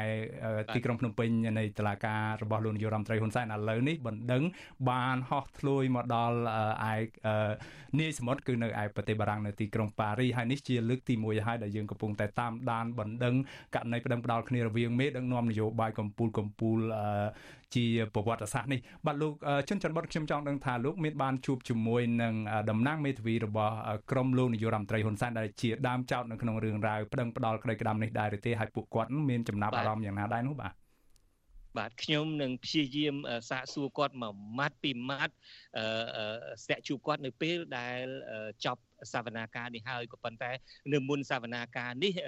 ខ្ញុំបានមិនបានឃើញគាត់ទេទើបតែឃើញនៅពេលដែលគាត់ជួលអង្គុយនៅក្នុងបន្ទប់សវនាការតែម្ដងក៏ប៉ុន្តែយ៉ាងណាក៏ដោយចុះខ្ញុំបាទនឹងស្ទាក់ចាំមើលដើម្បីចាំសម្ភាសលោកផ្ទាល់តែម្ដងតើតើលោកមានចំណាប់អារម្មណ៍យ៉ាងណា ក្នុងនាមជាមេធាវីពីខាងលោកហ៊ុនសែននេះបាទ បាទនៅមុននេះបន្ថែមនោះលោកជុនច័ន្ទបុតបានមានប្រសាសន៍ថាមានក្រុមអ្នកគ្រប់គ្រងលោកសំរងស៊ីនឹងច្រើនជាងក្រុមអ្នកគ្រប់គ្រងលោកនាយករដ្ឋមន្ត្រីហ៊ុនសែនហើយសវនាការនេះត្រូវបានគេបើកឲ្យចូលរួមជាសាធារណៈក៏ប៉ុន្តែមនុស្សនៅក្នុងសវនាការនេះលោកមិនទាន់អាចជួបបានខ្ញុំអាច ចង់ដឹងពីចំណាប់អារម្មណ៍របស់អ្នកចូលរួមក្រុមអ្នកចូលរួមគ្រប់គ្រងលោកសំស៊ីដែលមកតាមដាននេះជាពិសេសលោកជុនច័ន្ទបនបាញ់មិញបានលើកឡើងថាមានអ្នកខ្លាំងមកពីតាំងពីប្រទេសកាណាដានោះតើយើងអាចជួបចង់បានចំណាប់អារម្មណ៍ជាមួយពួកគាត់បានទេនៅពេលនេះបាទបាទបាទខ្ញុំបាទមានអ្នកគ្រប់គ្រងរបស់ពួកគាត់លោកសំរងស៊ីដែលរៀប នឹងខ្ញុំនឹងសម្ភាសគាត់នៅពេលបន្តិចទៀតនេះក៏ប៉ុន្តែមុននឹងដល់ចង់លឺមតិយោបល់ឬមួយចំណាប់អារម្មណ៍របស់អ្នកគ្រប់គ្រងរបស់លោកសំរងស៊ីខ្ញុំបាទសូមសង្ខេបខ្លះខ្លះនៅអ្វីដែលលោកសំរងស៊ីឡើងថ្លែងអំបញ្ញមិញនេះបាទបាទសូមជើញបាទអឺបាទបាទសូមជើញជួយលោកមានរិទ្ធបាទ បាទហ្នឹងឯងខ្ញុំរៀបនឹងសួរលោកជុនច័ន្ទបុតរឿងរ៉ាវនៅក្នុងបន្ទប់សវនាការនេះតើលោកសំស៊ីកាលពីកន្លងទៅពេលដែលលោកជុនច័ន្ទបុតសម្ភាសលោកសំស៊ីផ្ទាល់នៅក្នុងកិច្ចពិភាក្សានេតិវេទិកាអ្នកស្ដាប់វិទ្យុស៊ីស្រីលោកអះអាងថានេះគឺជាព្រឹត្តិការណ៍ដ៏កម្រប្រវត្តិសាស្ត្រជាឱកាស ដ៏កម្រមួយរបស់លោកលោកនឹងថ្លាថ្លែងពីរឿងរ៉ាវដែលអនុញ្ញាតឲ្យលោកសំស៊ីអាចថ្លាថ្លែងពីរឿងរ៉ាវឧក្រិដ្ឋកម្មនានាដែលពាក់ព័ន្ធនឹងរដ្ឋាភិបាលលោកនាយរដ្ឋមន្ត្រីហ៊ុនសែនដែលលោកសំស៊ីបានចាត់ប្រកាសថាមានពាក់ព័ន្ធនឹងករណីឧក្រិដ្ឋកម្មធំធំតើមានការលើកឡើងយ៉ាងដូចម្ដេចខ្លះហើយសម្រាប់ពីខាងចុងចោតឬចុងចម្លើយលោកសំស៊ីឬមេធាវីរបស់លោកនោះបាទបាទ សវនាការនេះប្រព្រឹត្តទៅដោយតទៅនេះពីព្រោះដំបូងឡើងមកក្រមចៅក្រមនឹងក៏បានរៀបរាប់សាច់រឿងពាក្យបណ្ដឹងពីពាក្យបណ្ដឹងលោកលោកហ៊ុនសែនផងពាក្យបណ្ដឹងលោកឌីវិជាផងបាទសូមបញ្ជាក់ថាការជំនុំជម្រះនេះមិនមែនជំនុំទីរក្តីតែមួយទេគឺមានការបណ្ដឹងផ្ដាល់ពីរហើយក៏យកករណីទាំងពីរនេះគួបគ្នាតែម្ដងគឺលោកហ៊ុនសែនក៏បណ្ដឹង លោកឌីវិជាដែលជាកូនបង្កើតរបស់លោកហុកឡងឌីហើយដែលជាកូនប្រសារបស់លោកហ៊ុនសែននោះក៏ប្តឹងដែរហើយសូមបញ្ជាក់ឡើងវិញថាការប្តឹងនេះមុននឹងរៀបរាប់ថាតើលោកហ៊ុនសែនលោកសំរងស៊ីឡើងឆ្លើយបែបណា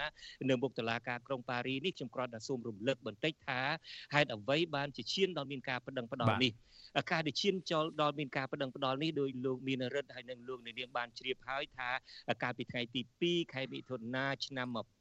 2009លោកសំរងស៊ីបានសរសេរបង្ហោះនៅលើបណ្ដាញសង្គម Facebook របស់លោកនៅលើករណី Facebook របស់លោកបានចោទប្រកាន់លោកហ៊ុនសែនថាជាអ្នកដាក់ក្របបែកសម្រាប់លោកហុកឡុងឌីហើយមូលហេតុដែលលោកសំរៀងស៊ីចោទ ថាលោកហ៊ុនសែនដាក់ក្របបែកសម្រាប់លោកហុកឡុងឌីនេះពីព្រោះលោកសំរៀងស៊ីអះអាងថាលោកហុកឡុងឌីជាជនដៃដល់ដែលលោកហ៊ុនសែនធ្លាប់ប្រើសម្រាប់មនុស្សមួយចំនួនដូចជាសម្រាប់លោកជាវិជាសម្រាប់សកម្មជននយោបាយឬមួយក៏អ្នកដែល មាននិន្នាការប្រឆាំងនឹងរដ្ឋាភិបាលជាដើមហើយដែលហេតុថាខ្លាចលោកហុកឡុងឌីនឹងរាយការបែកចេញទៅក្រៅលោកសំរៀងស៊ីចោទថា លោកហ៊ុនសែននឹងក៏ដាក់ក្របបែកសម្រាប់លោកហុកឡុងឌីដើម្បីបំបិតភ័ស្តុតាងតែម្ដងតាក់ទងទៅនឹងលោកឌីវិជាហេតុអីបានជាលោកឌីវិជាប្តឹងលោកសំរៀងស៊ីដែរនោះពីព្រោះនៅក្នុងការបង្ហោះនៅលើបណ្ដាញសង្គម Facebook នោះលោកសំរៀងស៊ីក៏ចោទប្រកាន់ថាលោកឌីវិជា ក៏ចង់រកយុត្តិធម៌ឲ្យឪពុករបស់ខ្លួនដែរក៏ប៉ុន្តែលោកប្រហែលជាមិនហ៊ានហើយលោកក៏បានរៀលដាលដល់លោកសខេងដែលជារដ្ឋមន្ត្រីក្រសួងមហាផ្ទៃផងដែរថា គឺលោកសខេងក៏មិនសប្បាយចិត្តនឹងការដែលនឹងលោកហ៊ុនសែនដែរហើយលោកសខេងនឹងក៏គ្រប់គ្រងខាងលោកជីវិជាដែរពីព្រោះលោកសខេងបើតាម ការបង្ខំរបស់លោកសំរីស៊ីបើ អត់ទេលោកសខេងដែលជារដ្ឋមន្ត្រីក្រសួងមហាផ្ទៃលោកសំរងស៊ីចោតប្រកាន់ថាបានបង្ខំនៅក្នុងសាលនោះថាលោកសខេងក៏មិនពេញចិត្តទៅនឹងលោកហ៊ុនសែនដែរពីព្រោះថាលោកហ៊ុនសែននឹងមានគម្រោងក្តោបក្តាប់អំណាចក្រាញអំណាចនៅប្រទេសកម្ពុជានឹងតកូនតចៅបាទនេះគឺជាត្រង់ត្រង់កន្លែងនេះសូមកាត់ប្រសាសន៍សូមអធិស្ឋានលោកជុនច័ន្ទបុនបន្តិចសូមកាត់ប្រសាសន៍ដោយសារយើង